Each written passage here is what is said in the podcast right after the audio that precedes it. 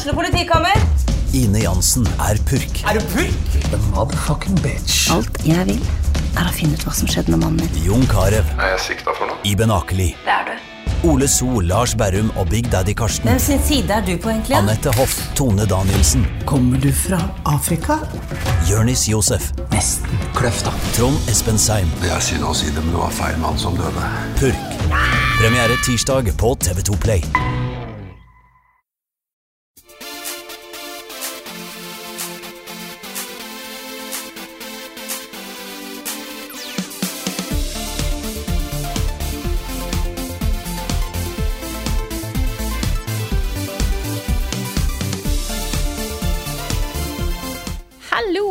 Velkommen til en ny episode av podkasten Level Backup. Med meg som vanlig Frida Danmo, og med meg har jeg selvfølgelig Karl Martin Hogsnes og Rune Fjell Olsen.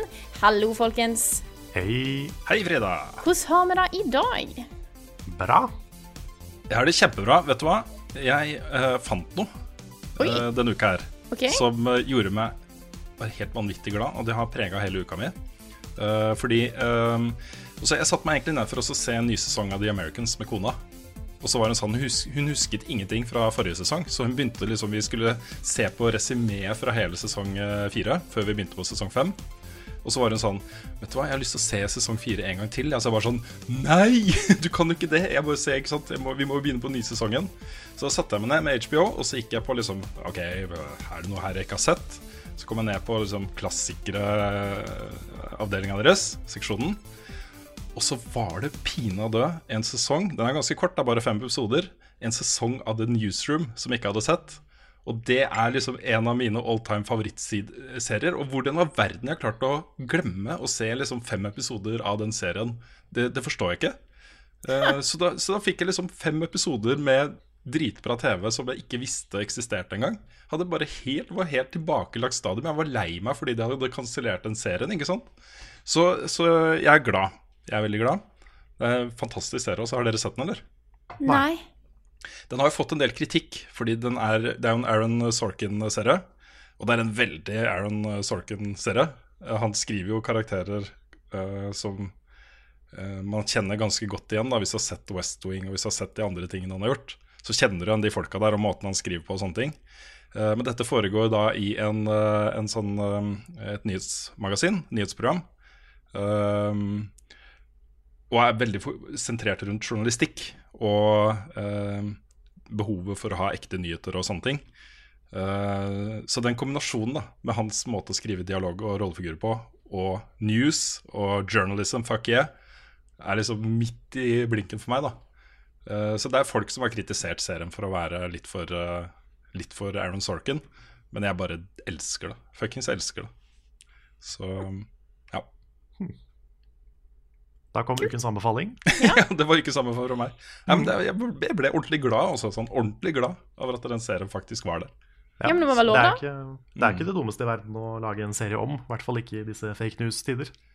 Nei, og så er det litt kult, den siste sesongen går jo ekstra Altså alle sesongene gjør det litt, da, men særlig den siste sesongen, de siste fem episodene, går jo inn på den der clickbait-mentaliteten i journalistikken som er i dag. At man lager saker på ting som ikke burde være saker, og eh, bruker hva skal man si, eh, lesegenerert innhold på en måte som går på akkord da, med journalistikk, også med sannhet, med eh, viktighetsprinsippet. ikke sant? At dette må være ha offentlig interesse, eh, osv. Så veldig kritisk til sånn Gawker og alle disse tingene som, eh, som bare lager sånn klikkhoreri, ikke sant. Eh, kanskje litt i overkant. Eh, men samtidig da, balanserer han dem ved å ha da en rollefigur som er ansvarlig for nettsatsinga til uh, ACN, den eh, News Network-tingen her, eh, som bruker nettet på den måten det skal brukes, og som har eh, full kontroll på eh, hvordan man kan bruke internett som et verktøy til journalistikk. ikke sant? Så han setter jo de to sidene opp mot hverandre på en utrolig kul måte. Så den der kritikken om at han bare ser ned på nettjournalistikk og Twitter og Facebook og sånne ting, slås litt i hjel av at du har han Neil, som er en veldig sånn Han er en journalist på nett, ikke sant. Så yes, I love it. Kult. Jeg kan eh, nevne at uh, her, går, her er ting litt travelt, men jeg kan nevne en ting som jeg nettopp har blitt veldig opphengt i. Uh, og det er litt spesielt. Uh, og jeg merker liksom, det er litt rart å snakke om dette her, men jeg må bare kommentere det. Og jeg ble opphengt i dette her for to minutter siden. Og det er at dere to har utrolig like briller. Ja da. Ja. Det, Det er ikke første gangen vi har hørt det. Så jeg sitter her og lurer på Jeg sitter her intenst Jeg prøvde å følge med på det du snakker om, Rune, men jeg sitter her og prøver å finne ut Har dere faktisk like briller. Nei, det er ikke vi de samme brillene. Nei, OK. Ja. Nei, jeg tror Rune sine er litt tynnere enn mine. Okay. Jeg har litt tjukkere sånn ramme på. Ja, mulig, mulig. Så Nei, det var jo mm. Dette er jo de, de kuleste brillene man kan ha. Liksom Svarte briller med litt tjukk innfatning. Ja. Det, det fins jo ikke noe kulere enn det. Så selvsagt Nei. har vi sånne briller. Jeg kan, kan si meg enig i det, altså. Mm. Jeg støtter den konklusjonen. Jeg har jo hatt runde briller. Da så jeg dritrar ut. Det syns jeg så kul ut. De var helt, de var runde, sånne små runde som jeg kjøpte i Los Angeles. Mm. Uh, og så har jeg hatt sånne uh, spraglete uh, Sånn brunspraglete briller. Det var de første brillene jeg fikk. Eh, og så har jeg hatt sånne med tynn svart innfatning. Og så har jeg gått over til tjukk, da, så jeg har to briller med tjukk svart innfatning. Tror jeg har funnet min greie, altså. Ja. Kult. Men det er, det er rart hvor mye mindre briller kan få deg til å se eldre ut. Mm. Fordi du ser mye yngre ut med, st- med store briller. Kanskje det. Jeg, det har jeg ikke tenkt på. Det er bare Nei, nei, for liksom jeg, det var, jeg husker ikke når, men jeg, liksom, jeg kom over et klipp hvor du, som er fra mange år siden, hvor du hadde små briller. Og da så du Mm. eldre ut enn du gjør nå. Så det var litt sånn Oi, Rune har gått back in time. Så De tar bort så mye fokus fra rynker og skavanker, ikke sant. Ja. Ja. Ellers, så, ellers så bare har du en sånn Benjamin Button-ting, da. Det kan også hende. Hvor det til slutt bare blir en tenåring igjen. Ja. Jeg tror ikke jeg har lyst til det, men uh... Nei, nei. Sånn reverspuberteten. Oi. Uh, Nei. Nei, Skal vi, nei. hva har vi spilt i det siste? ja. Det er bra du hopper over. Mm. Rune kan få lov til å begynne. Sånn tradisjonen tro og sånt. Mm. Ja. Ja. nei, jeg, jeg har jo um, uh, jeg, jeg driver liksom og pusler fortsatt med Subnautica. Jeg føler meg ikke helt klar til å liksom si noe om det. Det er et sånt spill som er litt tungt å bare spille i lange sekvenser om gangen. Så jeg spiller det litt nå og da. Eh, Jeg regner med at det blir noe. Det jeg egentlig har lyst til å gjøre med det, er å lage litt sånn derre uh, naturprogram istedenfor en anmeldelse. Altså sånn uh, uh, Og her ser vi Puffy Fishen i sitt rette element. Altså sånn jeg, jeg vet ikke, jeg, jeg må gjøre litt research da på hvordan man lager et naturprogram. Men Ja. det hadde vært litt kult. Så, så kanskje. Eh, men så har jeg jo blitt fullstendig besatt av eh, Altos eh, Odyssey. Og det spillet kan jeg nesten garantere dere kommer på min topp 10-liste i år. Det er så bra, det spillet. Og nå er jeg, tror jeg, ganske sikkert på siste level. Det er to utfordringer igjen som er megavanskelige, og som jeg sliter med å få til. Så det er liksom det er der, jeg står og stanger nå. Men jeg har lyst til å nevne en ting til, fordi på forrige level du får tre utfordringer per levels, og så går du opp et level, og så får du tre nye utfordringer. Og på forrige level så sto jeg helt fast. Jeg hadde gjort, gjort det flere ganger. Det som jeg skulle gjøre, det var å knuse noen sånne kasser eh, i lufta mens jeg kjører med wingsuit. Tre stykker. Jeg er helt sikker på at jeg har gjort det flere ganger. Og da, jeg vet vi har snakket om det før, da tok jeg kontakt med utvikleren på Twitter og spurte hva i all verden, liksom. Uh, og det viser seg at det er en eller annen slags bug der, da, for det var flere som hadde opplevd lignende type problemer. At de hadde gjort det, men det ble ikke registrert. Uh, og da så jeg at det hadde foreslått tidligere til noen andre at uh, hvis du bare force-quitter spillet, appen, og starter det på nytt, så prøv det, liksom. Og det funka på meg, og det funka på de. Så det er tydeligvis et eller annet der. Så hvis det er noen som sitter nå og spiller Altos hos Odyssey, og har det problemet, try turning it off and on again. Rett og slett, altså. Det er så greit når det bare funker. Ja, det er det også. Jeg skjønner ikke at ikke jeg gjorde det, for jeg pleier jo alltid å gjøre det. Når, det. når det er noe som ikke funker, så er det jo det man gjør først. Det er sant. Eh, Så, ja. Um, jeg har også lyst til å nevne et annet spill som jeg eh, eh, spiller.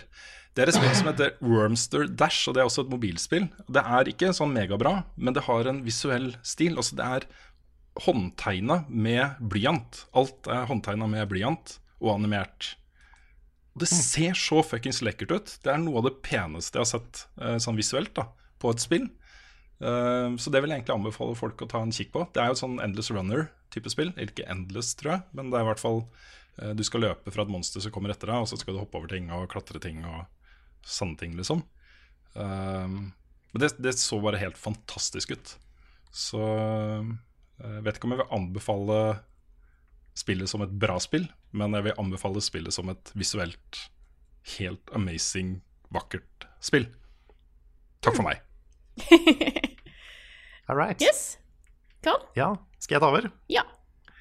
Jeg kan, jo, jeg kan jo begynne med det som kanskje Rune syns er mest gøy. Um, nevnte dette her på mandag. At jeg, hadde, jeg var litt sånn imellom anmeldelser i helga. Så tok anledningen til å starte opp et lite prosjekt. Eller fortsette på et prosjekt, ble det egentlig.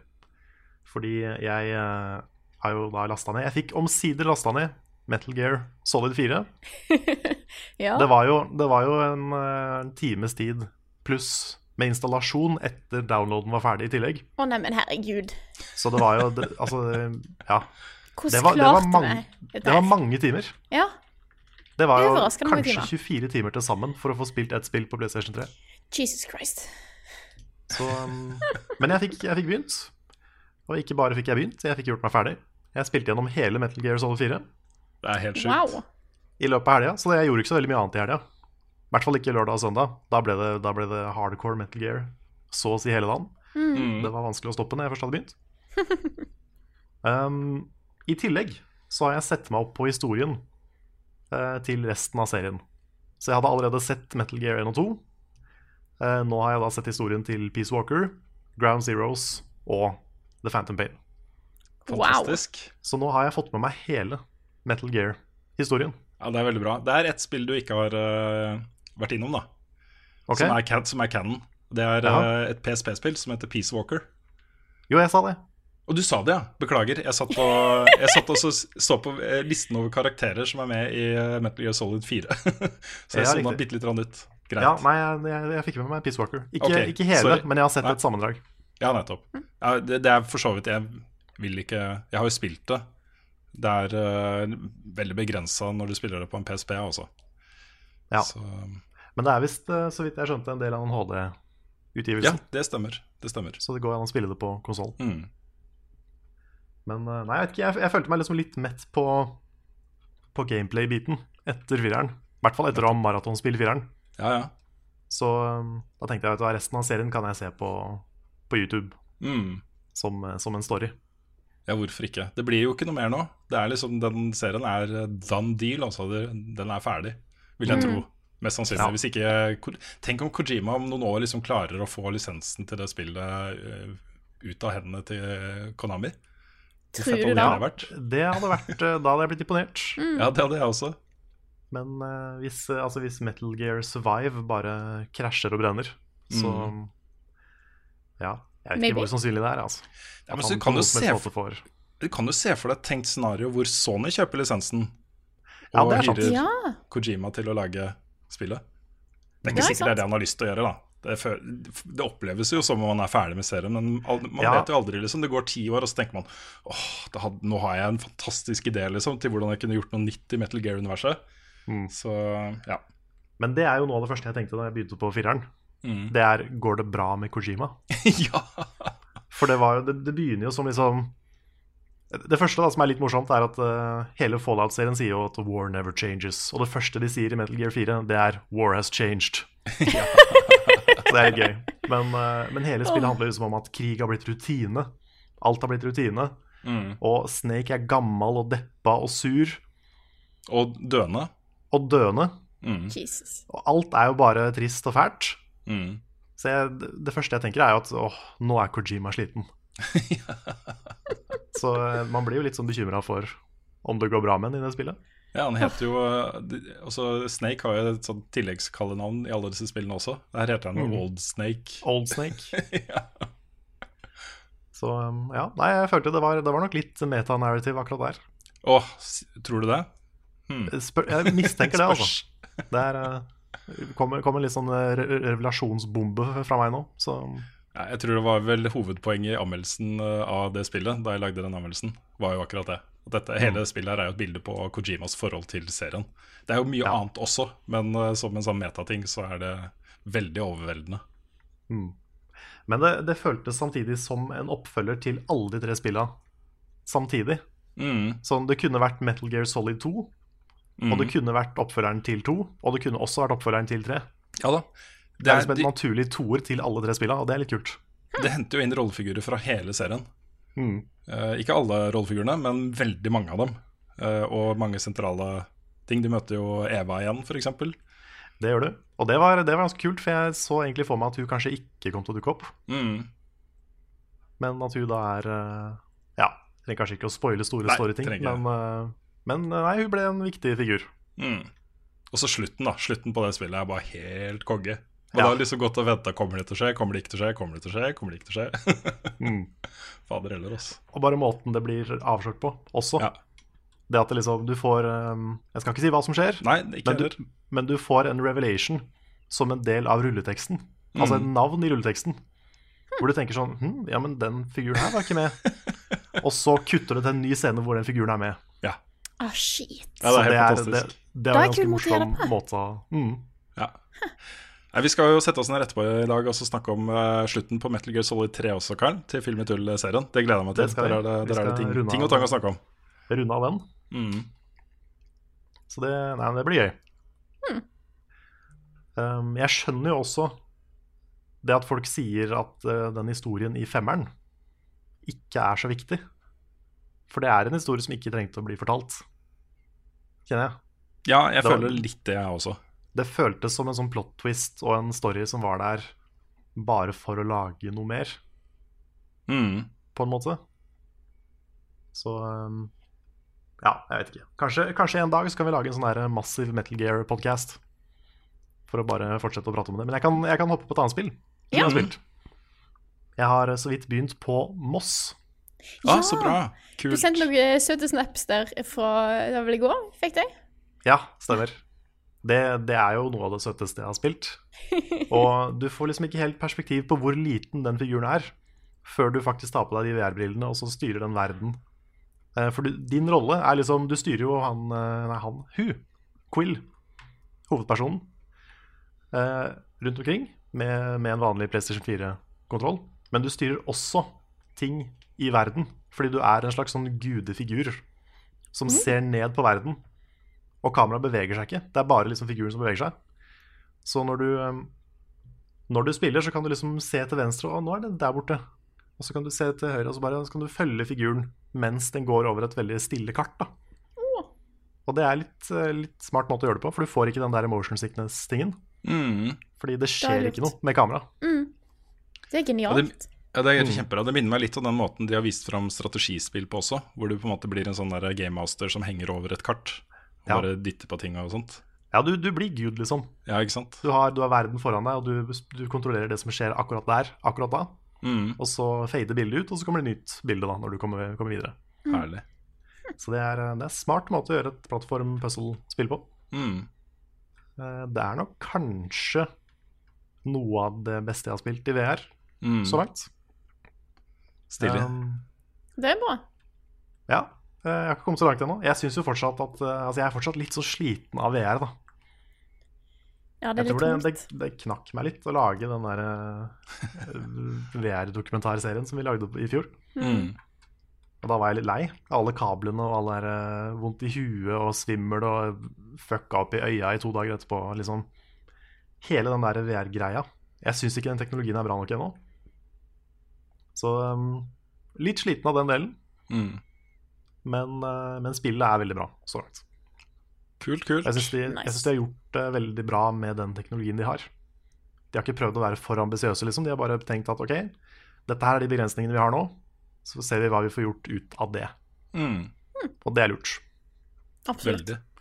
Så um, Nei, jeg liker det veldig godt så langt. Det er bare ca. en time inn. Jeg tror det spillet er Jeg tror ikke det er mer enn fire-fem timer langt. Så jeg får jo bare spilt i sånne korte Korte bolker, siden jeg blir uh, sliten av å spille mer enn en time VR. Mm. Men uh, det kommer nok, uh, kommer nok en video på det når jeg har kommet meg gjennom. Nice. Nice. Så da kan, kan du ta over, Frida. Da kan jeg ta over, og jeg har tenkt å gjøre dette litt annerledes, fordi at jeg er podkastsjef, jeg kan gjøre hva jeg vil. Eh, for jeg har ikke tenkt å snakke om hva jeg har spilt, for det er ikke så mye, men jeg har tenkt å snakke om hva jeg har tenkt til å spille. Ja. Fordi eh, jeg har nemlig tenkt til å ta opp igjen noe eh, i løpet av nå denne veka, og neste uke skal jeg spille en del Cities Skylines.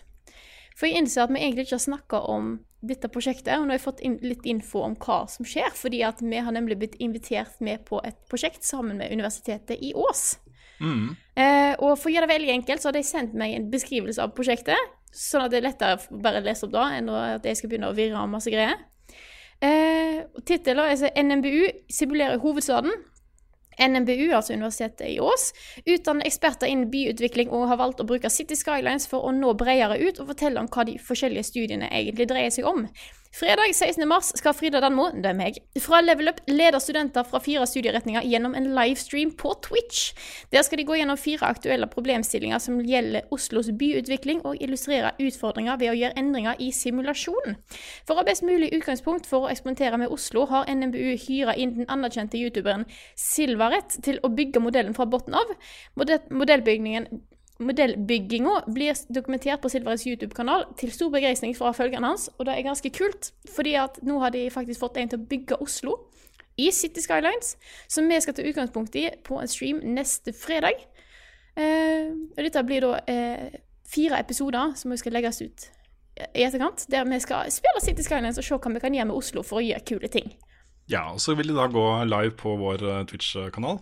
Ja. Eh, og viktig å nevne at dette er jo et betalt oppdrag. Vi får Absolutt. penger for å gjøre dette her.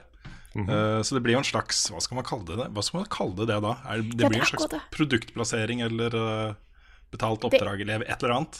Mm. Ja, en, en collaboration. Et eller annet. På en måte. Mm. vi takker ja fordi det er et veldig spennende prosjekt og en kul ting å teste ut. Eh, men vi må ikke legge skjul på at dette er også penger, det er penger i bildet, sånn Ja. at alle vet det. Men det vil da gå en fire-fem timers stream på vår Ja. Twitch-kanal, som starter da på formiddag, formiddagen neste fredag. Ja. Jeg er fryktelig spent på hvordan dette kommer til å gå. Jeg, altså. det, Ja, jeg òg. Jeg har jo aldri vært en sånn programleder-type ting før. Uh, men jeg er veldig gira. Det er jo jeg i redaksjonen som kan City Skylines best. Mm. Eh, Det det. Så jeg gleder meg veldig til å eh, sette meg ned med den modellen. Jeg skal få den nå snart. Lære meg hele Oslo i City Skylines-sammenheng. Og så skal vi gjøre kule ting på stream. Det er et veldig kult oppdrag å få. Veldig kjekt å bli hyra inn til en sånn ting. Mm. Skal, altså, Det er gøy å få betalt, selvfølgelig, men det er et veldig kult prosjekt i tillegg. Jeg kan ta så gi deg noen tips da, til, eh, til hva som er de mest høyaktuelle og sentrale tingene som jobbes med i Oslo nå om dagen. Eh, Det ene er et område som heter Filipstad. Det ligger rett nedenfor der jeg bor. Hvor det i dag bare er ferjereie og, og brygger og sånne ting. Eh, Og fabrikker. Det er en kaffefabrikk der, f.eks. Det er det som er videre forbi Tjuvholmen. Altså det er Aker Brygge, Tjuvholmen, og så kommer Filipstad. Så hele det området skal nå utvikles, og det ligger masse planer inne for hva de skal gjøre der. Og det er ingen som blir helt enige om hva de skal gjøre. Så den ene tingen. Den andre tingen er bilfritt sentrum, som eh, Miljøpartiet De Grønne jobber masse med. Uh, hvor de vil gjøre masse gater til parker og fjerne parkeringsplasser og osv. osv. Og den tredje tingen er knutepunkter, T-banestasjoner. Der har de lyst til å bygge ut skikkelig høye blokker og få inn så mange mennesker som mulig rundt liksom, T-banestasjonene rundt Oslo. Så der er det noen ting å ta tak i eh, på streamen, som du kan bare ha i bakhodet. Det skal jeg gjøre. Altså, Byutvikling er jo ikke noe jeg har eh, erfaring med, så det blir veldig spennende å høre hva disse studentene har å gi du, på. kommer du til å avslutte med en tornado i Oslo? Å, shit. Ja, kanskje da. Ja. Det hadde vært litt gøy å gjort, men eh, Ja. vi får se. Vulkanutbrudd. Meteor. Mm. Meteor er bra. Ja. Meteor er veldig bra. Se hvilke deler av Oslo som hadde overlevd en meteor. Mm. Jeg skal høre med dem. Kanskje da. Det hadde vært litt spennende spennende gjort, men eh, Ja.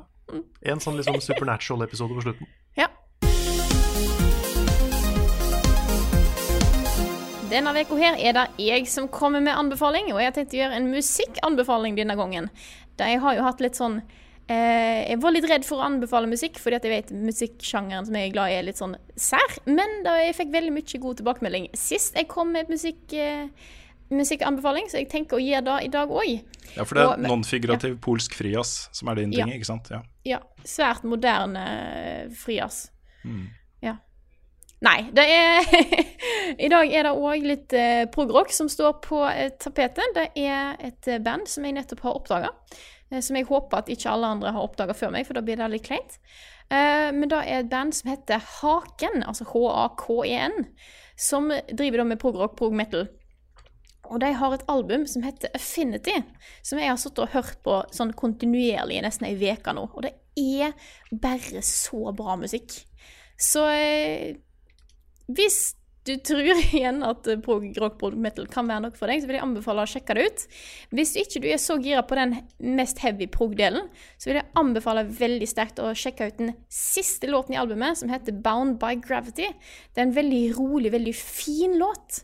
Uh, en av de vakreste låtene på hele albumet. En en av mine favoritter på albumet. Uh, den har ikke så mye prog-element som resten har, uh, selv om progen fortsatt er der, da. Eh, kan også si at Favorittlåten fra hele albumet er, er sangen The Architect, eh, som er på 15 minutter. 15 magiske minutter her, folkens. Eh, Prog har en tendens til å være litt langt. Men ja. bra album dette her, altså. Vår faste nyhetsanker Rune er klar for å snakke om litt nyhet i dag. Sett i gang. Takk, takk. Da skal jeg ta en Jeff Daniels fra The Newsroom og bare rapportere viktige saker med stor eh, allmenn offentlig interesse. Eh, nei, vi må begynne med et eh, interessant oppkjøp som vi akkurat gikk glipp av i forrige uke. Det er da tidligere sjef i Discovery-nettverket, som har bl.a. TV Norge, Harald Strømme, som har kjøpt opp Gamer.no og Telenor-ligaen av Teknisk Ukeblad.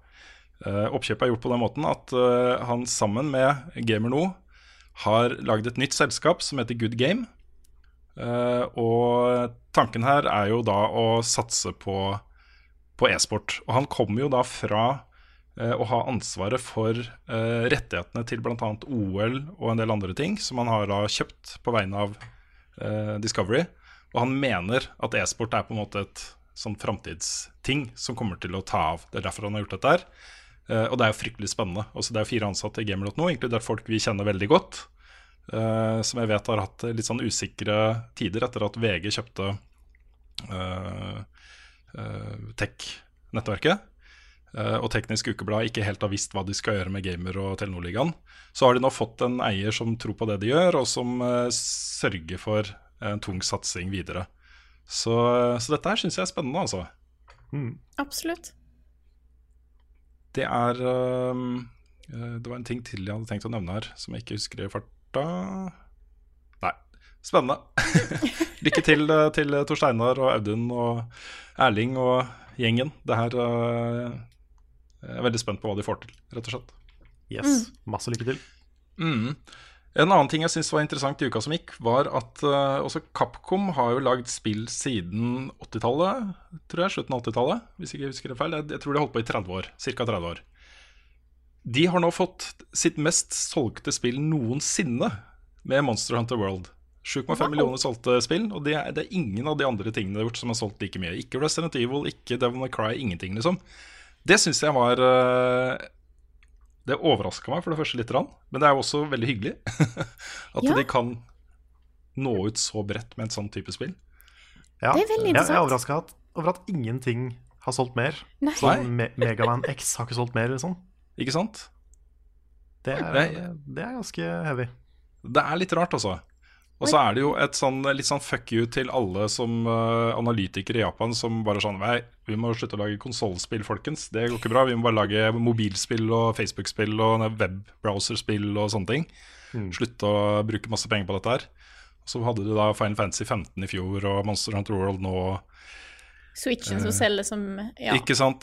Så Kommer med, med en liten eh, korrigering. Det var 2016. At, eh, ja, Final Fantasy ok, 15. ja, stemmer, stemmer. stemmer. Men det var, jo Eh, sy det var sykt mye bra japanske spill i fjor.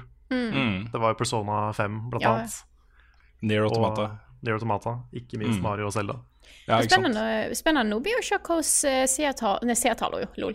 Eh, Salgstallene eh, kommer til å øke når Monster Hunter World kommer til PC. Mm. Mm, Da kan jo ja, det, er bare, eh, det er nå, eh, denne uka her. Det det nå? lansert på onsdag. Gjør det det? Altså i dag for oss. Ja, Det kom en pressemelding om det i dag, tror jeg. For jeg trodde det var i august. Ja, jeg også trodde det var, det var lenge til. Final Fancy Fantasy 15. Å, jeg fant faktisk 15. Å ja, jeg sa Monster of Hunter World. Å ja, ok, for jeg, jeg hørte Final Fantasy 15, Ah, OK, det kan være i så beklager. Ja, Ja, det er riktig. Det har kommet på PC nå. ja. Det kan være ja, Monster Hunter World er til høsten. Det har vel ikke fått noe dato, tror jeg? Konkret dato? Nei. eller Nei. Til høsten. Ja. Mm. Men ja. Jeg, jeg vet, Det kan være jeg sa feil, men salgstallene til Monster Hunter World kommer til å bli interessant å se på, siden de allerede har knust sine egne rekorder nå. Se hvor høyt de kommer når det kommer til PC. Mm. Vi kommer litt tilbake til, eh, til akkurat det også i ukens eh, spørsmål, men det er en del interessante ting å ta tak i der også. Yes. Det er sant. Nei, men det er, det er interessant å se hvor mye det spillet har slått an. For det er jo en serie som har vært vanskelig å komme inn i for veldig mange, inkludert meg. Mm. Uh, Men jeg ble jo fullstendig forelska når uh, World kom. Så det er visst ikke Det er visst ganske mange som har hatt den opplevelsen. Da. Det mange sier, er at de elsker å kunne spille et uh, MMO-spill uten å måtte spille et MMO. Ja. Mm. Mm. Så det er, Det er noe, der, kanskje. Ja. Og så er det, det er jo mye mer action-prega enn de fleste Mm. MMO-er. Ja. Men, men det, har jo, ja, det har jo litt den der loot-grinden og den der Ja, den der Mm. sakte progresjonen opp til toppen. Mm. Helt sant. Og så tar den eh, nærmere 40 timer enn den tar 500. Ikke sant? 1500. Så det er fint. Eller 2000. Eller 1500. ja. Eh, jeg hopper litt videre. Eh, Rainbow Six Siege har nå innført uh, strenge regler for språkbruk i spillet. Hvor uh, de nå kommer til å slå hardt ned på eh, ja, språk som er liksom truende eller vulgært, hatefullt, sexistisk, etnisk krenkende, trakasserende. Alle sånne ting. da Eh, og du kan få en utestengelse på alt fra to dager til syv dager, 15 dager eller permanent. Avhengig av hvor alvorlig det er, da. Og hvor mange ganger du har gjort og sånne ting. Eh, det syns jeg er interessant. Det er på en måte en ting som mange etterlyser i spill. At eh, de som lager disse spillene, skal lage litt uh, bedre klima for uh, samtaler og chat, rett og slett, mellom mennesker. Mm. Så jeg syns det var interessant at de uh, tok et så standhaftig eh, greie på dette her. Absolutt. Ja. Det er, det er sikkert en vanskelig ting å moderere, men det er, det er bra de ikke gir opp. Mm. For det er jo ikke Altså, det er jo en ærlig sak at jeg veldig sjelden spiller online med randoms. Mm. Det har jo med hvordan klimaet i nesten alle spill er. Ja, altså hvis man er på et lag med seks stykken, så kan du jo, som du ikke, eller fem andre kanskje, du ikke kjenner, eller flere Du kan banne på at det er en av de som lager sur opplevelse. Ja. Så det, da er det ikke noe gøy å spille det online. Nei. Så, Nei, det er liksom ja. ikke, det er ikke det man har lyst til å bruke verken jobb eller fritid på, liksom. Nei. Det er bare å sitte og være sur på random folk du ikke kjenner fordi de lager kvalm. Ikke sant? Greit, jeg hopper eh, videre elegant til et spørsmål vi har fått fra Kim André Odne um, på Facebook. Uh, og det har en nyhetsrelevans, så jeg tar den med. Uh, jeg lurer på om det er flere som så Toyotas konferanse fra Genéve i dag tidlig, det var kanskje i går. Der bl.a. Uh, den nye Supraen ble offisielt annonsert. Uh, sikkert ikke like mange her som er opprømt over det, men med tanke på bilspill så kanskje Rune. Og saken er jo eh, jeg, jeg kan ikke Jeg er ikke veldig god på eh, ekte bilmodeller. Og hva folk driver og annonserer, hva disse selskapene avduker, og hvor heftig de er og sånne ting. Men det som er litt interessant med denne bilen, det er en Toyota GR Supra Racing Concept-bil. Som det også skal komme en eh, forbrukerversjon av. eh, men som først og fremst er en baneracingbil. Har jo blitt vist fram nå noen år på rad. Eh, og er en sånn bil som mange går rundt og gleder seg til. Og det som er kult her, er at den første gangen folk får kjøre den bilen, det blir i eh, Gran Turismo Sport i april. Så derfor så, så var spørsmålet relevant og kult. Og den bilen ser jo råfet ut. Og når man ser sånne slike aerodynamiske, sporty, drittøffe biler bli presentert, og de går rundt og rundt på sånne podier, så får man jo lyst til å kjøre dem, ikke sant. Så for min del, da, så var den tanken veldig kul. At i april så kan jeg teste den bilen i Gran Turismo Sport. Så, så det er fett. Og så løpe og kjøpe på ordentlig. Ja. Jepp. Vi får, eh, vi får uh, få noen flere patronbackere først, eh, tror jeg. Firmabil, vet du. Det hadde vært kult. Ja, Gran Ja. Turismo Sport firmabil. Eh, Jeg tar et annet spørsmål også, som er veldig nyhetsrelevant. Det er fra Tonje Lenore Reitan, eh, som lurer på hva vi tenker om Blizzards flørt med Diablo. Eh, Diablo Lampa, skriver hun, og ikke sier mer. Tror dere det blir Diablo til Switch? Og Det som skjedde, var jo at eh, Blizzard la ut et bilde um, som tyda på at Diablo var på vei til Switch. Og så gikk de ut etterpå og sa uh, Da skal jeg prøve å huske relativt ordrett hva de faktisk uh, sa. Eh, skal vi se. Uh, as of now Nå husker jeg ikke når jeg sa det. As of now, we do not have any current plans to announce Di Diablo for Switch. Så det, det er ikke, De sa jo ikke at de ikke har noen planer om å lage det. De har bare ingen planer om å si noe om det ennå. De har Nei. ikke satt noen dato for når de skal si noe om det. Vi har, ikke, vi har ikke planer om å slutte å holde det hemmelig. Nettopp. Uh, men nå har da Eurogamer gått ut og sagt at ifølge deres kilder så sitter Blizzard å jobbe med det. Og uh, det går da mot en Diablo 3-lansering på Switch.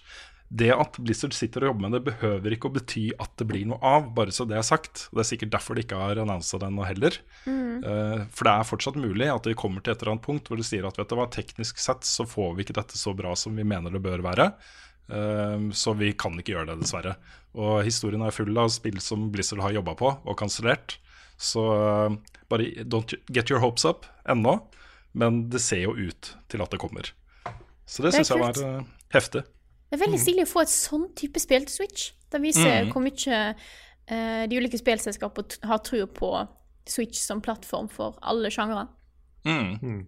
Jeg har jo fått med at det er en, det er en viss gruppe Switch-fans som går rundt og sender hate-mail til alle som ikke lager spill på Switch. Ok. Wow. Det har visst blitt en ting. Det er sånn, eh, sånn eh, vi skal ikke, skal ikke bruke orda de bruker. Det, da må vi sette opp aldersgrensen på podkasten, tror jeg. Men det er sånn Mm. Ja, de får høre det. At ikke de lager spill på Switch. Hvorfor må folk være sånn? Kan ikke folk bare være hyggelige? Det er noen folk som er så fans at de faktisk er villige til å gå ut i krig for et selskap. Eh, Ikke gjør det. Ja. Nei, Nei, ikke det gjør er det. ikke så lurt. Akkurat det.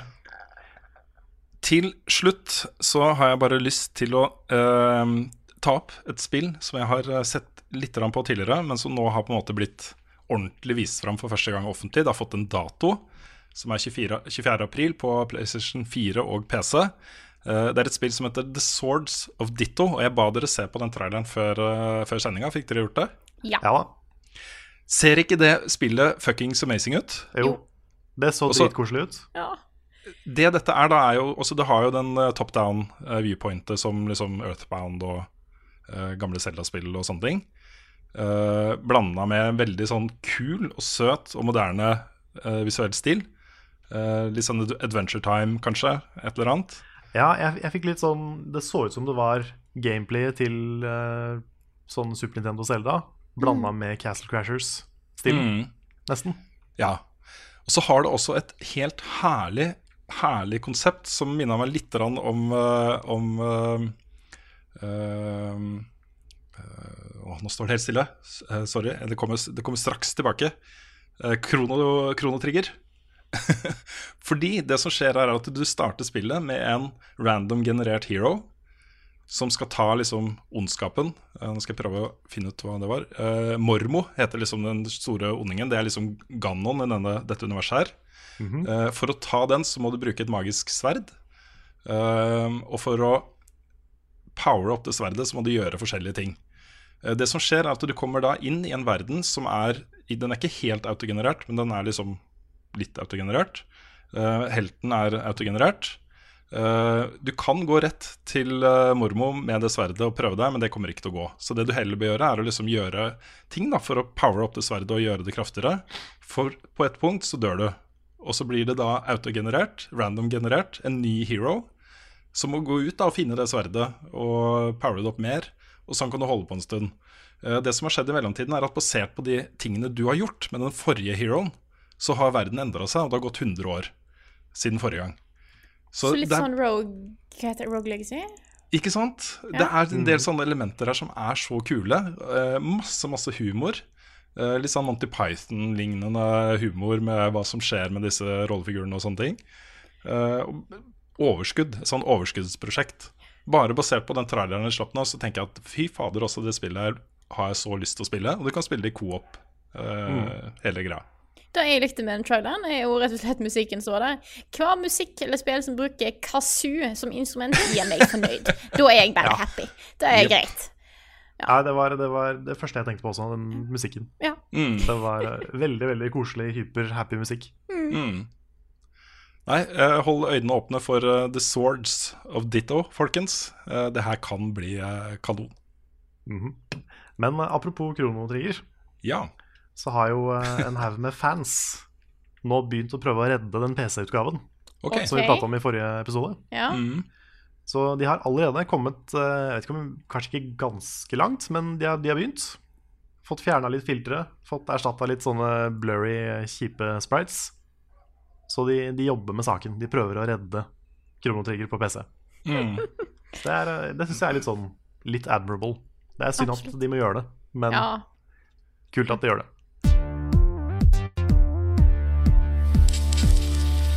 Jeg begynner å gå tom for kreativitet på fancy introer, men vi skal likevel ha ukens spørsmål.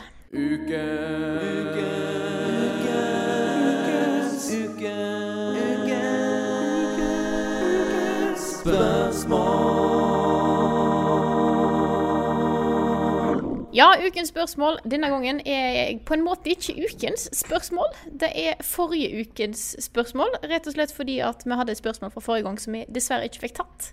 Så da tar vi det i dag istedenfor. Eh, og det er et spørsmål fra Eirik Gundersen som skriver Med Games as a Service, som er veldig i vinden, så endrer jo spill seg fra lansering og gjennom livs livssyklusen. Enkelte spill forandrer seg så mye at man nesten kan karakterisere dem som early access. Hvordan kan man egentlig fastsette hva som er games as a service, og hva som er early access? Ja, det er et veldig sentralt spørsmål, også eh, som går rett inn på, eh, på de største trendene i spillmedia akkurat nå. Og det er jo, Vi snakka om Monster Hunter World, som kommer til å leve videre lenge. Kommer sikkert til å komme masse nytt innhold. Uh, Division har akkurat feira liksom 20 millioner spillere, eh, lifetime-spillere. eh, og er ifølge Lars, og ifølge alle jeg kjenner som har gått tilbake til det spillet, eh, så har det blitt det spillet som folk håpa det skulle bli. Eh, har utvikla seg masse eh, i løpet av den tida som har gått siden det ble lansert. Samme gjelder jo Rainbow Six, eh, eh, Destiny f.eks. Destiny 2, som eh, gjennomgår store store endringer nå. Destiny 1 gjorde det. Og det er jo et sånt stort spørsmål hvor, hvor bra må disse spillene være, og hvor ferdig må de være uh, for å bli lansert? Og det har jo endra seg de siste årene. Det er jo ikke det samme uh, kravet til å være ferdig som det var før. Um, og jeg vet ikke helt hva jeg syns om det. Det er på en måte elementer her som, uh, som jeg ikke liker, og det er elementer jeg liker. Så Jeg tenker det er bra at spill utvikler seg over tid. Eh, spesielt sånne multiplierspill som gjerne trenger litt ekstra innhold for å holde folk interessert lenge. Men det som jeg syns er litt dumt, er at mange spill kommer, og så er det ikke fullstendig. Du merker det at bare sånn, ja, det er et spill her, det er et konsept her som er bra, men det bare er ikke noe innhold. Og den trenden liker jeg ikke. For det er greit at det er sånn, ja, spillet skal bli bra om et halvt år, men da er det er ikke sånn det burde være. Spillet burde være bra i det det kom ut. Eh, og så kommer det bare ekstra til, da, rett og slett. Mm. Ja, for, for det er en ganske stor forskjell her, føler jeg, på uh, det å lansere et spill som er bra, og som folk blir gira på, og som folk liker, og så gjøre det bedre, basert på hva slags endringer folk ønsker seg, og uh, hva slags muligheter som åpner seg etter feedback fra spillere og sånne ting. Og det, det å lansere spill utviklerne selv vet ikke er ferdig. Altså De to tingene er litt forskjellige. Uh, og det virker på meg som om flere bare gambler på å hva skal man si, ikke bruke all sin energi og alle sine penger og alle sine folk over veldig lang tid på å lage det de mener er perfekt, men heller sørge for at spillerne gir de beskjed om hva dette spillet skal være, og så lager det spillet. Og det er, eh, det er jo early access, Ja. basically. Det er jo det. Og eh, det er litt provoserende. Og særlig med sånn Flere spill vil få problemer nå. Eh, Jeg tror Destiny kommer til å slite Bungie kommer til å slite med å få folk tilbake til Destiny 2, fordi um, med unntak av å reise den opp til liksom endgame og det å gjøre endgame og sånn var kjempegøy. Etter det så uh, var det ikke så gøy lenger. Uh, det å få folk tilbake etter det er vanskelig, altså. Det er ikke lett. Uh, og det er jo mange som blir sinte på Bungie, og det er mange som blir sure og som tenker at de kommer aldri i verden til å vende tilbake til det spillet der og sånne ting. Og da er det på en måte Jeg vet ikke, altså. Det er, uh, hvis du først skal lage et spill som er en service, og som skal leve i tre år, så må det være mer, føler jeg nå, uh, til lansering enn et spill som er en slags eksempel på hva dette spillet kan være. Et eller annet. Ja. Så Ja. Jeg synes jo Noen ganger så virker det litt sånn tilfeldig når de bestemmer at et spill er ferdig, syns jeg. mm, Ja. Sånn som PubG. Så det ble jo offisielt lansert i desember. Ja. Men det er jo ikke ferdig, det spillet. Nei. Det er, jeg føler det er ingenting med PubG som er ferdig. Det er fortsatt masse lag. eh, Det er eh, ja, rare animasjoner, det er lite innhold. Spesielt Xbox-versjonen var jo helt krise. Ja, den var helt krise. Ja. ja. Men sånn som at det er, det er bare to maps, og eh, det er så veldig lite polish, da. Mm, Så det, det føles jo fortsatt som et Early Access-spill, mener jeg. ja. Um, så er det sånn som eh, Til og med sånn som f.eks. Arms, da, eller Splatoon, det første Splatoon, Ja. hadde jo veldig lite da det kom. Det Ja. hadde jo for lite, mener jeg, da det kom. ja, men det hadde jo Ja. det. Det var jo Gran eh, Turismo Sport, det er Street Fighter 5. Ja, er Street Fighter 5. Ja, herregud, Street, Street Fighter 5. Men det er så mange spill som kommer at de har, liksom, de har lagd konseptet, men de mangler alt rundt det. Mm. Så tenker de at da tar vi senere. Ja. Fordi det som er den andre flipp-siden av den uh, mynta, er jo um, hvis du leverer noe som er veldig bra, men uferdig, og som mangler innhold, uh, og kontinuerlig, jevnlig og hyppig oppdaterer det, det du kan risikere, er jo å skape en veldig, veldig dedikert uh, fanskare, liksom. En gjeng med spillere som blir veldig investert uh, i spillet og engasjert, og som blir eh, eh, ekstra eh, investert fordi de blir på en måte en del av utviklingsprosessen. Eh, et eksempel på det er jo nettopp Gran Turismo, som har kommet med masse oppdateringer siden det kom ut. Eh, også et Early Access-spill som heter eh, Dead Cells, som eh, går mot eh, full lansering nå senere i år, men som har hele tiden fått svære chunks med innhold eh, lansert på Steam, Early Access-modellen. Hvor spillerne har sittet og liksom kunne da få et helt nytt, ny verden nå plutselig, som kom nå, liksom. Uh, og spille og kose seg med, og en endgame-boss og sånne ting. Uh, og hvor de hele tiden føler at de er en del av utviklingen. Og det skaper en sånn community-følelse og et eierskap til det de spiller, uh, som gjør alle disse menneskene til evang evangelister for det spillet, ikke sant? Til den ferdige lanseringa. Um, de føler at de, de vil utviklerne vel. De føler seg godt behandla, godt tatt vare på. De føler at utviklerne hører på dem, at de uh, er morsomme uh, og sosiale og inkluderende, ikke sant. Uh, det er på en måte den riktige måten å gjøre Early Access på. Men jeg syns jo at flere av disse store konsollspillskaperne liksom, som lager spill som koster nå 700 kroner, liksom, 650, 700, 800 kroner til lansering, de bør konsentrere seg om å lage ting som er mer ferdig enn det et Early Access-spill er, Ja. syns jeg. Nei, men jeg er helt enig. Det er en uting, dette her. Mm. Og det er ikke alltid så lurt heller å lansere et spill, enten det er i Early Access eller noe man ikke kaller Early Access, fordi veldig ofte så er jo det første øyeblikket når spillet kommer, det er det som er lanseringa. Mm. Og det er da spillet eksploderer. Du får, ikke, du får som regel ikke den der ekstra enda en lansering når spillet faktisk er ferdig. Så den første hypen er liksom allerede borte da når Mm. spillet blir ferdig. Mm. Og da vil veldig Ja, det- mange gå og huske på den uferdige versjonen av spillet.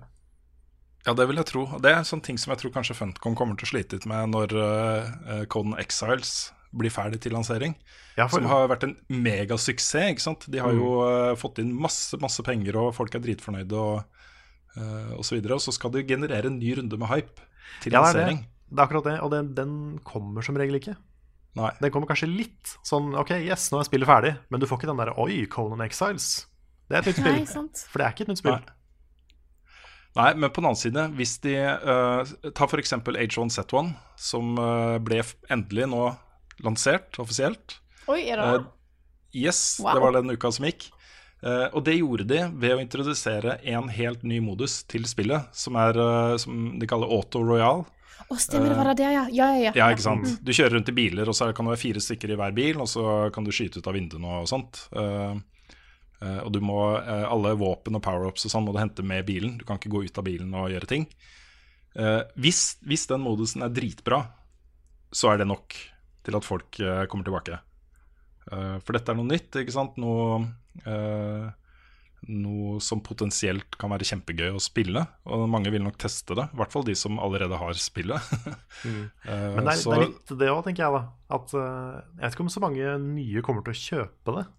Nei, det kan hende. Ja. For det- Men de gjør det, de gjør det hvis eh, plutselig alle vennene dine spiller det. Og, altså det, det er fordi det er bra. Altså det var derfor eh, Battle Royale og Fortnite tok seg av, fordi det var bra. ikke sant? Det var et veldig veldig bra spill som folk syntes var kjempegøy å spille, og, så eksploderte det bare fordi alle spilte det, ikke sant. Um, Det er det er samme oppveksten som eh, PubG hadde. Uh, her hadde du et konsept som uh, funka bedre enn de andre konseptene i samme gate, og som folk syntes var dritgøy å spille. Og da, da genereres det eh, hype automatisk. Det kommer av seg selv fordi folk liker å spille det. Så, men hvis det bare er mer av det samme, så, så skjer jo ikke det. Nei, sant. Nei, Men et tips, da. Word of, word of mouth, eller word of YouTube og Twitch. Mm. Det har fått mer og mer å si. Det har det, uten tvil. Absolutt. Men et tips til folk da, det er hvis det kommer et spill som lukter litt uh, Game as a Service, uh, hvor utviklerne sier at her vil det komme masse greier over tid, folkens, Uh, kan det være greit å vente et halvt år, kanskje? Eh, et år? Det gjør ikke noe, det. Det vil være spillere igjen der, og Ja, I hvert fall, i hvert fall vente på et par anmeldelser, kanskje, ja, i hvert fall det. av førsteutgaven. Og Mm. gjøre seg kjent med hvor mye mikrotransaksjoner og sånn det er i det. For det Games Ja. as a Service betyr jo veldig ofte mikrotransaksjoner. Ja. Ja da, Hvis ikke det. alltid. Nei, det er sant. Nei, det er jo um, For det jeg må også si det at den snuoperasjonen som uh, Division og Rainbow Six uh, Siege har vært gjennom, har jo, det imponerer meg. Altså, jeg blir imponert av det. Og uh, føler et behov for å vende tilbake selv, for å, tenke, for å, for å se hva det har blitt. da Uh, Og tenker også at uh, det, det, det er jo et dilemma for oss som anmelder spill òg, ikke sant. Vi har anmeldt det. Uh, ikke Rainbow Six, dessverre, men Division. Og anmeldt det som et uferdig spill, og behandla det etter, etter det. Gitt karakter etter det og sånne ting. Den anmeldelsen er jo ikke relevant for det spillet er i dag lenger. Så, så jeg føler jo et visst ansvar for å på en måte uh, gjøre et en, Altså vende tilbake og teste det på nytt og si hva jeg syns om det. Men det er jo brått 30 timer ekstra da som må inn uh, for å gjøre det. Så Ja. Men det er, nok en, det er nok en prioritering som blir litt viktigere framover. At vi går tilbake og ser det. på ting vi har anmeldt før. mm. Mm. Jeg, jeg føler meg ganske sikker på det, også, for jeg tror ikke den utviklingen kommer til å gi seg. Um, men det jeg tror, er at uh, en, del, en del av de tingene vi har sett nå de siste par årene, det at et spill som Breath of the Wild, f.eks., uh, som Persona 5 um, osv., har gjort det så bra, uh, har jo vært mye fordi det å sette seg ned med en komplett opplevelse gir et sånn ekstra følelse av åh, deilig. Deilig å slippe å tenke på at uh, dette spillet ikke er ferdig ennå, og det kommer til å skje ting med det. Uh, kanskje det endres to totalt uh, med, over tid, da. Eh, det å slippe å tenke på de tingene gjør meg litt ekstra glad som gamer. Eh, Ja. Og kanskje litt ekstra mottagelig for å kjøpe det. Ja. Det er sikkert derfor Nintendo gjør det så bra med Switch, eller generelt nå, er jo rett og slett at folk får, folk får en ferdig spillopplevelse. Det er kanskje folk det, Nintendo har det kvalitetsstempelet over seg som de har hatt i mange år. Mm. Folk vet hva de får. Ikke sant? Mm. Men jeg tror nok også at eh, den Games as a Service-tingen kommer til å infiltrere en del av disse, disse spillene også. Ja. Eh, Det var jo helt uhørt at eh, et Zelda-spill skulle ha liksom to delseere i løpet av et snaut år etter lansering. Bare for noen år siden, ikke sant. Mm. Um, nå kommer det jo gratis oppdateringer til Odyssey og sånt. Men dette er jo ting som bare utvider hva spillet er, og som ikke forbedrer ting eller endrer ting i særlig stor grad. Det er bare nye ting du kan gjøre i dette universet, på en måte. Så, så det blir jo noe litt annet. Men, eh, men det at vi får eh, utvidelser og tillegg til eh, spill som eh, oppleves som ferdig, kommer nok også til å skje, tror jeg. ja, den dagen du kan kjøpe rupees i Selda, da blir jeg lei meg. Og Ja. det er en trist dag. Nå er det Kan du nevne Jeg bare fortsetter, Karl. Ja, nei, nå er det jo litt Det er jo lettere for spill som er laga av liksom konsollprodusenten, å unngå sånne ting. Sånn som eh, hvis Mario og Zelda ikke hadde vært Nintendo, så hadde jo kanskje de også måttet eh, ty til litt mer sånne kjipe ting. Mm. Men du har jo alle de der første First Party-spilla. De slipper jo ofte unna med å faktisk Mm. bare være komplette singleplayerspill. Ja, for de skal jo også selge konsoller, ikke bare Ja, ikke sant? kopier. De er jo en investering på en annen måte. Mm. Ja. Det blir jo eh, med det, med det som utgangspunkt, så blir det vel kanskje også mer den Hva skal man si Den sanne eh, erkjennelsen av hva spillere faktisk ønsker seg. Ja. ikke sant? Ja. Nei, men 2017 var jo et av tidenes beste år for singleplayerspill. Mm. Ja, ja, det var Fordi alt absolutt. det bra kom samtidig. Mm. Mm. Så jeg håper jo det fører til at vi får mer av det. Ja. Det er jo tydeligvis et marked, men ja, Bare ikke. spillutvikleren bør skjønne det. Mm. Ja, så er det det at liksom Hvis det er så dyrt å lage spill at ikke det holder med inngangsprisen, så Det må jo løses på en eller annen måte. Ja. Det må det. Det apropos det, så så jeg at, uh, at uh, det, det har nå blitt uh, offentliggjort at Far Cry 5 kommer til å ha mikrotransaksjoner, det også. Eh, men at det kunne være kosmetikk. Ok. Ja. Så går det også helt like rykter om eh, neste Battlefield, som ryktene sier skal gå tilbake til andre verdenskrig. eh, hvor det også vil være mikrotransaksjoner som bare er kosmetikk. Så lenge Så- det bare er kosmetikk. Hmm. Ja, Fortsatt ikke Ja. kjempefan, men det, det, det er greit. Ja. litt Kan, kan leve med det. Det er et Ja. kompromiss som funker. Blitt, Mm. på en måte. Ja. Yes, men da tror jeg nesten vi hopper videre til neste spørsmål. Eh, det, det, det. Ja, vi har, fått, eh, vi, har fått, vi har fått så mye dilemma. Vi har fått inn så mange dilemmaer denne gangen her, men jeg har et som, er, som jeg syns er oppriktig vanskelig, og da er fra Tarjei Kroglin, som skriver Dilemma måtte alltid spille med elendig oppløsning eller elendig lyd. Oi. Oi. Mhm. Oi. Ja, sant? Nei, da, da må jeg si uh, elendig lyd, også.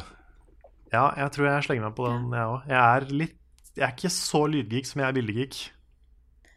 Ja. Så Spørsmålet er hvor elendig bilde snakker med. Mm. ja, og hvor elendig lyd. Ja. Nei, uff, det der er ikke lett, altså. Nei. Nei. Jeg, jeg, hvis jeg har lav framerate, eller sånne ting, så blir jo jeg kvalm. Mm. Eh, så det kan være at jeg må gå for elendig lyd, selv om det skjer skjærer hardt i min musikersjel å måtte Mm. si det, altså. Ja, det er mye man går, glipp av, altså. Det er det. Men uh, det er jo noen spill som, uh, som jeg mer eller mindre har lagd mitt eget soundtrack eh, til. No Man's Sky, eksempel.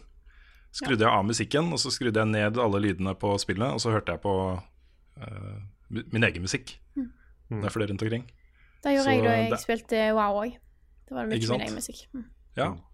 Så det er jo mulig å ha bra spilleopplevelser uh, uten lyden fra spillet også. Ja. Absolutt. Jeg kom meg gjennom hele Final Fantasy 12, selv om den lyden var superkomprimert. Mm. Det var sånne eh, voice lines som de måtte komprimere ned til PlayStation 2. Og det, det, det, høres, det høres ikke alltid bra ut, altså. Nei. Men det gikk. Vi kan ta neste spørsmål her fra Marius Renheide, som skriver Hva er deres forhold til juksekoder i eldre spill? Husker på mandager før når Rune hadde spalt i VG, og det var ukens juksekode. F.eks. store HV i Golden Eye, eller den kjente Konami-koden. Eh, eh, eller å fjerne wanted level i GTA. Mm. Ja, juksekoder, folkens. Nei, de fins jo fortsatt. Eh, jeg kan ikke huske sist jeg brukte en sånn juksekode. Hvor man trykker på sånn og sånn og sånn for å få et eller annet. Mm. Ofte er det vel ting du, du låser opp i en meny som du går og haker av for og sånne ting eventuelt. Ja. En big head modes og sånt. Hmm. Jeg vet ikke. Det, jeg husker at jeg likte det. Jeg syns det var kjempegøy. Ja. Jeg likte de hvor du kunne eksperimentere litt med spillet. Hvis du Ja. hadde Mm. spilt gjennom det et par ganger. Sånn som i eh, de originale Sonic-spillene, så kunne du jo få debug mode. Skulle til å si det. Ja, det er så gøy, det. Hvor du bare kan, du kan sette ned du kan liksom, Det blir en level-editor. Som du bare får tilgang til hvis du har koden. Mm. Det er stas. Absolutt. Og så ja. jeg, eh, Før jeg begynte å spille The Sims som en RPG, eh, så brukte jeg òg mye sånn Hvis jeg bare skulle bygge hus og sånt, eh, sånn juksekoder for å få ekstra penger. Mm. Det har vi ikke brukt. Jeg brukte òg Jeg eh, surra òg litt rundt i og Sims 3. Eh, da ødela jeg jo eh, litt. Jeg tror jeg har fortalt om det før, når jeg fikk en baby til å bare forsvinne. og litt sånt. Jeg brukte en del sånne Ja. der, eh, koder der da for å kunne plukke opp alt som sånn, Ja, nei, du kan ikke plukke opp det fatet der, for det bare ligger der. Jeg bare Nei, men jeg vil at ikke at det skal ligge der. Eh, sånne koder brukte jeg en del, da, for å bare faktisk bare ta vekk ting. Tony Hawk hadde masse bra. De hadde Moon Gravity og sånn. Ja. Oh, Og sånn disco mode og sånne ting. Det var dritkult. Mm. Der kunne du, der kunne du gjøre mye, altså. Og, og så husker jeg Beavis and Butthead Do You. Så det var et spill. Da U-en sto for University. Så det var en kjempemorsom tittel på et spill. Um, der, der hadde du en kode som het Go Santa, eller noe sånt. Hvor du bare fikk alle tinga. Eller så blander jeg. Det er mulig jeg blander. Men uh, det var, der var masse koder. Og så var det Dune. Så kunne du skrive noe greier for å få evig med penger. Mm. Brukte jo alt som fantes, hvis det fantes. Jeg brukte mye, altså. Jeg husker jeg brukte Jeg tror jeg har nevnt før, men jeg brukte sånn få health packs i Tomb Raider da jeg spilte med søstera mi. Vi var ikke så glad i de skytetingene. nei. Nei. Vi ville mer utforske. Det var det vi syntes var gøy. Mm. Så Rayman. Første Rayman har du koder. Oh, er det da? Hvor du kan få alle abilities, full helse, en del sånne ting. Wow. Så hvis man, hvis man sliter med Badland, så går det an å bruke, en, uh, bruke noen cheats. Å, jeg uh, Vi har et spill til Sega Mega Drive som er sånn pinball. 3D pinball, tror jeg det heter. Eller et eller annet greie. Som har en sånn stikker på det. Så 'Best pinball game in the world'. Det er bare sånn, ja. Nice. Yes. Men det, er var dritbra. Det var Pinballforeninga som Ja, kåra det til Best Pinball Game in the World. Uh, ja, og da er, da er Der har du en kode, da, som jeg har funnet på nett, der du kan få uendelig med sånne kuler. Fordi at da spillet går ut på at du skal det, Pinball-greiene er delt opp i flere levels, og så gir du ulike ting. Du åpner opp minigames, som også er pinball-games, da. Så skal du få dem, og så skal du ta alle det, og så skal du drepe en drage, og det Det er ganske heavy. Dragon et eller annet heter det. Dragon et eller annet 3D pinball. Ja, men der òg er det en kode bare sånn for å bare sette på at nå bare spiller med. Nå bare kjører vi på, og så bare spiller med. Istedenfor å måtte ha tre kule hver, for det er to player. Eh, og så eh, bare liksom la den gå, og så må du starte på nytt igjen, og så har du mista alt progressen du har gjort. Litt sånne ting, da. Så der bruker jeg det. Spilte du Marble Madness noen gang? Frida? Jeg tror jeg har vært borti det. For det, det hadde vært en kort, men morsom scream. For det spillet er kanskje 20 minutter langt. Og såpass. Men, ja. men jeg husker det var gøy. Det er basically sånn klinkekuler the game. Ja, Jeg er usikker på om jeg har spilt det. Jeg syns navnet på en måte klinger litt, men ikke noe mer. Mm. Yes, vi kan hoppe videre til neste spørsmål. Så vi først snakker litt om sånne gamle spill, sånne greier der. Hvor var det det spillet Jo, Marius N. Grønbekk eh, spør Har dere opplevd å huske et spill fra barndommen slash ungdomstida som var eh, som veldig bra, men at da dere har spilt dette i senere tid, innser at dette egentlig var ganske dårlig? I så fall syns dere at en bør unngå å ta opp gamle spill som en har et godt minne om, og heller bare leve i trua om at det var bra? Ja, Det er et vanskelig spørsmål også, fordi mange av disse spillene var jo bra satt til sin tid, liksom, sammenligna med andre ting som har kommet ut osv., Ja. uh, men har ikke holdt seg så godt. Og Det er Nei. en forskjell på de tingene, på en måte. ja, for de tenker jeg fortsatt på som bra. Ja, samme her. Mm. Um, men det finnes jo spill man spilte da man var liten, og ukritisk, som faktisk ikke var bra. Mm. Ja. Sånn eh, Alex Kid in The Enchanted Castle, husker jeg. Det var ikke et bra spill, men jeg spilte det masse. Mm. Ja. Jeg spilte ikke så mye barn som Nei, jeg spilte ikke så mye barn. Spilte ikke så mye spill som barn. ja. Eh, egentlig. Da var, da var jeg bare innom de store spillene uh, hos venner og sånne ting. Så jeg begynte ikke å ordentlig ordentlig grave meg ned i spillmediet for alvor eh, før jeg var sånn 18-19-20. Um, og da, alt jeg spilte da som jeg syns var bra, syns jeg fortsatt er bra. Jeg føler at det handler litt om det du sa, Karl, med å være litt ukritisk og bare ha det gøy med et spill. Jeg tror det er mange som f.eks. elska Harry Potter-spillene Uh, som åtte-, ni-, tiåringer, elleveåringer, liksom. Eh, hvis de tester de igjen i dag, så skjønner de at det kanskje ikke var like bra.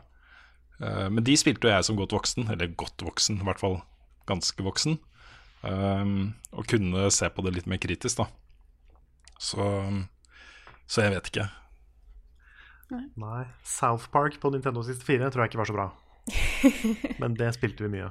Fordi det var South Park, og det var morsomt.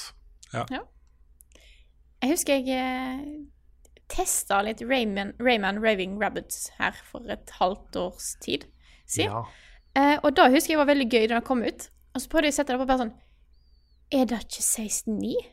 For da er jeg 4.3. og da får du ikke gjort noe med. Den bare er 4.3, den. Det er sant. Og da er det så rart å plutselig tenke på det, for de fleste andre spill, hvis du har eldre generasjoner, da, så får du på en måte gjort noe med det. Men den er bare sånn Nei, den er 4-3. Det var ikke like underholdende som jeg husker ganske det. kjip framerate også på det, jeg vel. Ja, jeg kan eh, Det var liksom ikke like kult. Jeg spilte det jæklig mye, da. Eh, alle disse singleplayer-greiene der du skulle skyte eh, plungers på kaninene. Jeg var jæklig god. Jeg ble skikkelig, skikkelig god med å aime med Wii-kontrollen av det spillet. Men eh, Wow. Det ble jeg aldri god i. Nei, det var, det var interessant, men eh, jeg satt opp her og sa nei, dette har ikke holdt seg.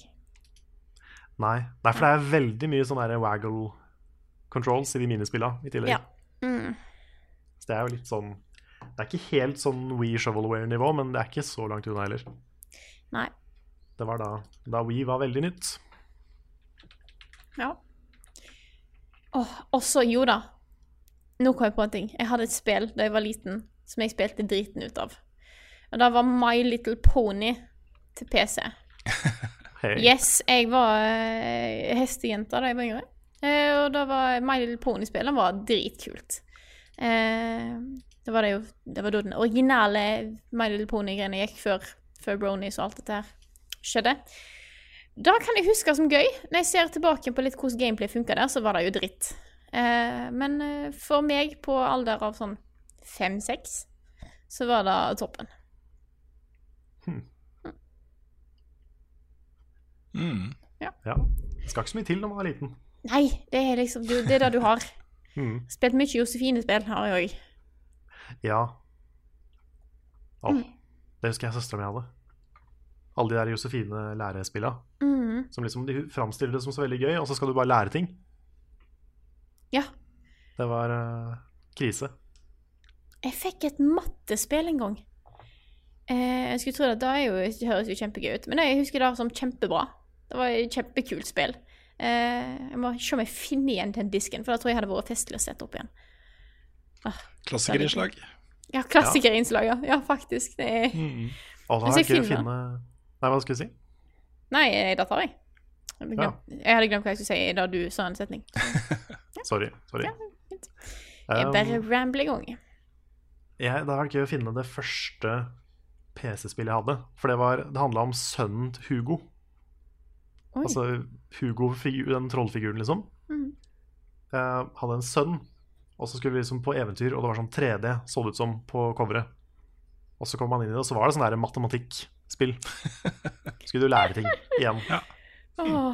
Så det var sånn, ja, sånn eh, snike sånn stealth education. Som bare plutselig kom og nå skal du gjøre mattestykker. yeah. Fordi Wow. morsomme TV-spill på PC. Ja, ja. Nei, eh, vi kan ta neste spørsmål her, eh, fra Christian Kullmann. Eh, ja, Christian Kullmann F som skriver Hva syns dere om muligheten for å sjekke progresjonen deres i spill? Liker dere eh, å ikke vite når slutten kommer, eller er dere som meg og vil helst vite når en kan frese gjennom, og når en skal roe seg ned for slutten?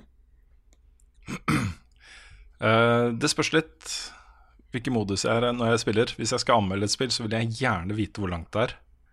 Jeg vil gjerne vite hvor mye tid jeg må sette av, hvor god tid jeg har på meg til å og så, Hvis jeg vet at jeg har sånn ca. fem timer igjen, så kan jeg kanskje bare sette meg ned og spille de fem timene og få det unna, liksom.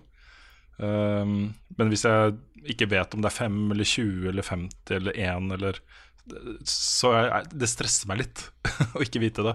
Så det er en ting som jeg gjerne ville at når vi får review-kode av ting, så vil jeg gjerne vite hvor uh, mange timer de anslår det tar å komme seg gjennom det spillet. Ja, jeg er Så enig. Ja. vet ikke om jeg har noe preference, egentlig. Nei. Jeg syns i eh, Hellblade var det veldig greit å vite hvor langt du hadde kommet. For da fikk du de der runene som du kunne unlocke, og så så du liksom hvor langt ute i spillet du var. Mm. Men uh, kan sette pris på den der uh, usikkerheten også. Ja. Så, Det er vanskelig det spørsmål, det, det spørs litt på hva spillet er. rett og slett. Mm. Nei, men da har vi kommet til den delen der dere skal få lov til å ta opp spørsmål. Der jeg Ja. gir fra meg alt ansvaret og bare setter det over på dere. Ja, Ja. jeg har et par. Ok, Uh, et fra Gøran Nilsen på Facebook. Som lurer på om eh, vi har hørt noe om eh, eh, at Resident Evil 2 kommer tilbake. Uh, vet noen eh, Har noen noe info om det? Eh, jeg, jeg vet bare at det kommer. Um, det gikk jo litt spekulasjoner i at det skulle bli eh, stealth-lansert på 20-årsjubileet til eh, Resident Evil 2, som var nå i januar. Eh, Det ble det da ikke, men jeg tipper det kommer i år. Fordi det er jo fortsatt 20-årsjubileet til Resident Evil 2, hele 2018. Så, så jeg tipper det kommer i år. Det andre jeg vet, er at uh, han som var uh, sjefsdesigneren for det spillet i Capcom back in the day, uh, har skrevet på Twitter at han har vært ute og tatt en øl med Eller øl eller kaffe, eller jeg husker ikke helt hva han skrev. Med han som er eh, eh, regissør for dette, for remaken. eh, hvor han hadde sagt til han at bare gjør det du vil. Jeg skal ikke blande meg dette her, dette er ditt ansvar, og jeg har full tiltro til at du kommer til å behandle dette spillet bra. så, så det er i hvert fall altså, Det kommer. og det, jeg tipper det kommer i år. Jeg tipper det kommer før sommeren, jeg. Men uh, Stealth drop på E E3. for eksempel. Det kan godt tenkes.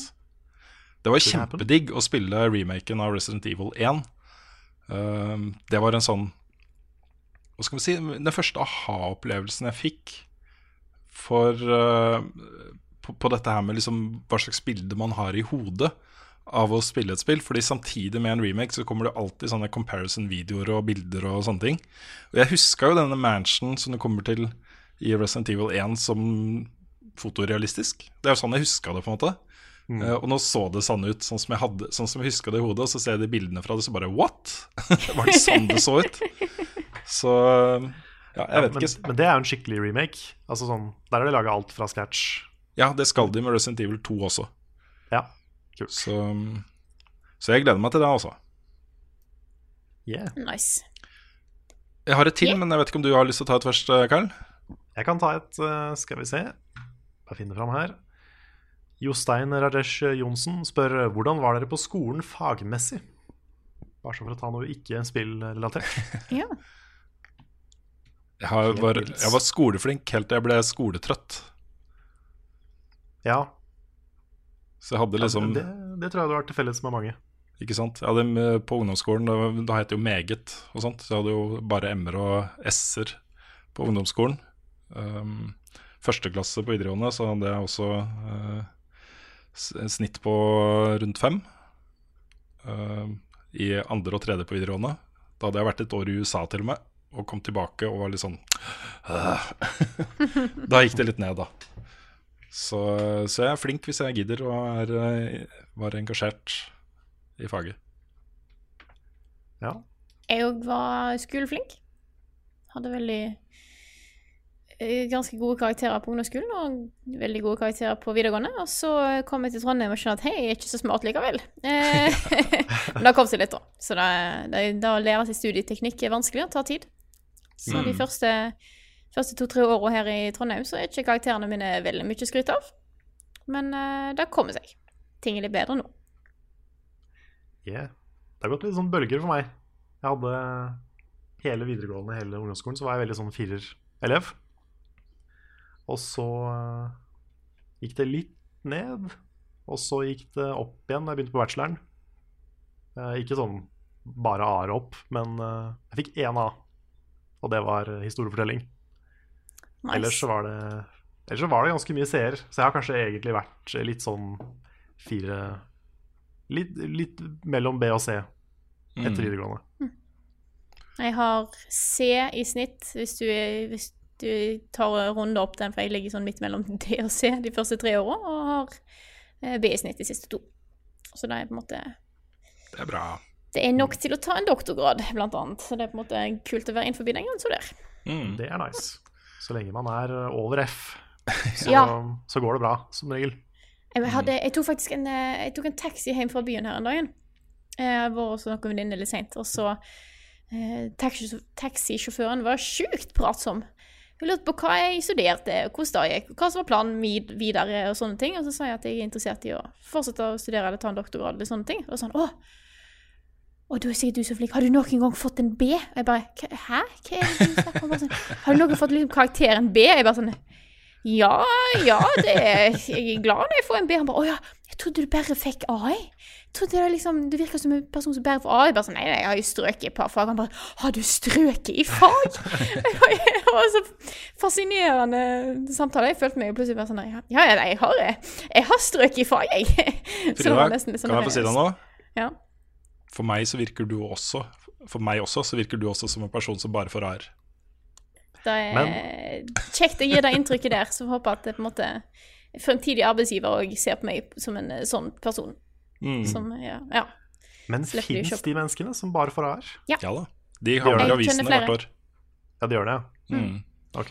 Det er, det er et par jeg kjenner som eh, har nesten, nesten kun A. Mm. Ja, ja for det, jeg syns det virker litt rart. Fordi jeg husker sånn på videregående, for eksempel, da, så var det jo lærere som av prinsipp ikke ga seksere. Mm. Ja. Så åssen får de seksere, liksom? Hvordan går det? Jeg tror det er litt, du har litt bedre retningslinjer på universitet og sånt. da. Ja, det er sant. Det er som mye irriterende at du tenker liksom, hvis det er folk som bare får A, så tenker du bare sånn, kanskje de eh, det, det er liksom, Du tenker kanskje sånn, ja ok, da bruker de veldig mye tid på skole, da har de kanskje ikke tid til å gjøre andre ting. Men det jeg kjenner som får A, de er kjempehyggelige folk som på en måte gjør alt. Jeg kan ikke skjønne hvor de får all den tida fra. Det er fascinerende. Kanskje de bare har sånne superbrains som tar til seg alt. Ja. Ja, det er nok noe der, altså. Mm. Jeg husker jeg lærte meg å lese og skrive før jeg begynte på skolen. Og det, det var liksom Da jeg begynte på skolen, så var det jo Jeg kunne jo alt. De lærte hele første året kunne jeg alt. Nesten alt, da.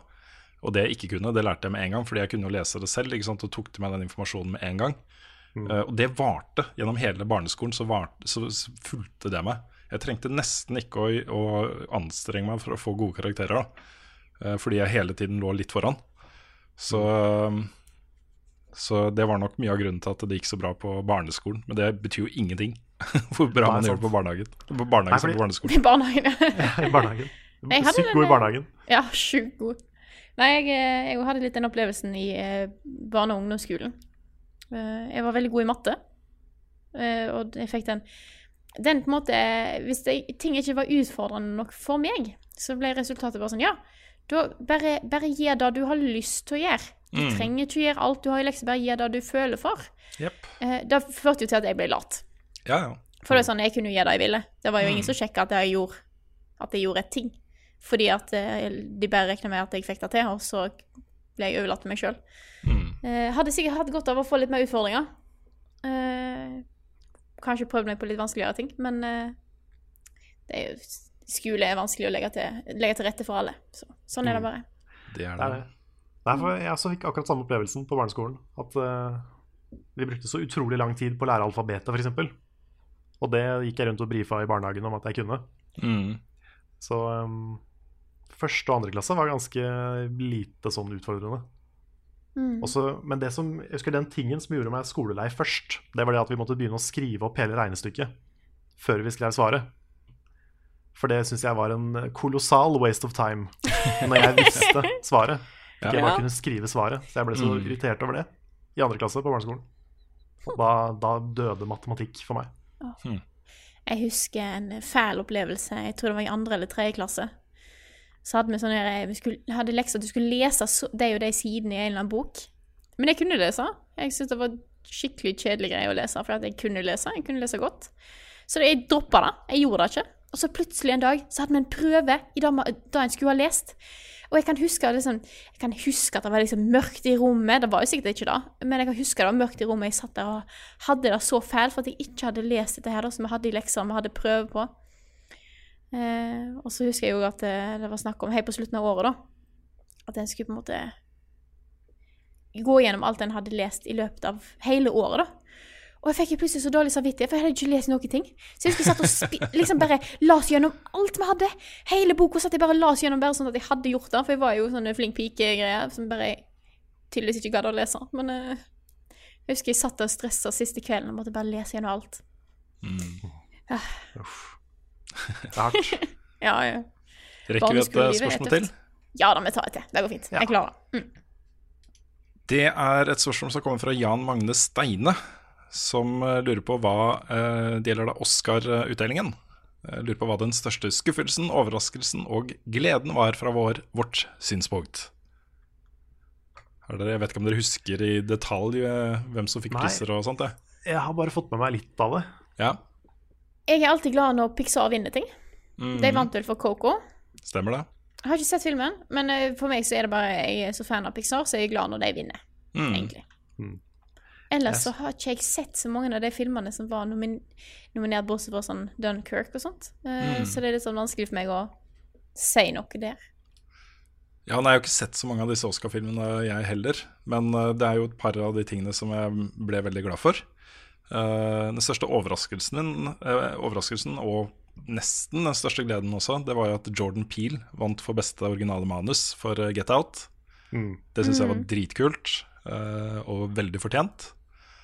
Um, uten at jeg har sett så mange av de andre filmene som var der. Uh, men den største, uh, største gleden var at uh, Del Toro vant for beste film. Eh, og beste regi. Begge, fikk begge de to kongeprisene der. Det syns jeg var eh, helt konge. Jeg har så sansen for Del Toro som person og regissør og alt mulig rart. Eh, Så det ble jeg veldig glad for. Jeg skulle egentlig bare nevne Get Out, Ja, ikke sant? så jeg slenger meg på den. Mm. Jeg har ikke noe sånn største skuffelse, egentlig. Det var ikke noen sånn Det var ikke noen kategori hvor jeg følte at hvorfor vant ikke den? Det er mye fordi jeg har ikke sett alle disse filmene og sånne ting. Men uh, um, Nei. Jeg må få sett The Shape of Water. Ja, Ja, jeg òg. samme her. Det er så mange filmer jeg, jeg føler jeg har sett veldig lite filmer i i hele 2017, egentlig. Mm. Jeg har litt å ta igjen. Mm. Same. Mm. Men uh, Shape Water ligger på topp av det jeg har lyst til å se. Mm. Så eh, Hell yeah. Vi får sett. Ja. Men hvis ikke dere hadde flere spørsmål, da, så tror jeg kanskje at uh, vi skal runde av. For jeg må komme meg på et møte. Mm. Yes. Ja. Men da uh, tror jeg egentlig vi må selvfølgelig starte med å takke våre kjære patronbackere. Dere er fantastiske folk. Vi kunne absolutt ikke klart oss uten dere. Eh, og da tror jeg ikke jeg får sagt nok hvor glad vi er for at vi har dere. She speaks the truth. Yes. Så hvis eh, du som hører på liker det vi lager og har lyst til å støtte oss litt, så er det bare til å gå inn på patronen vår og støtte med det beløpet du ønsker. Da blir vi kjempe, kjempeglad. Så da eh, får jeg vel egentlig bare takke for oss. Takk for at du hørte på denne episoden av Level Backup, og så snakkes vi igjen neste uke.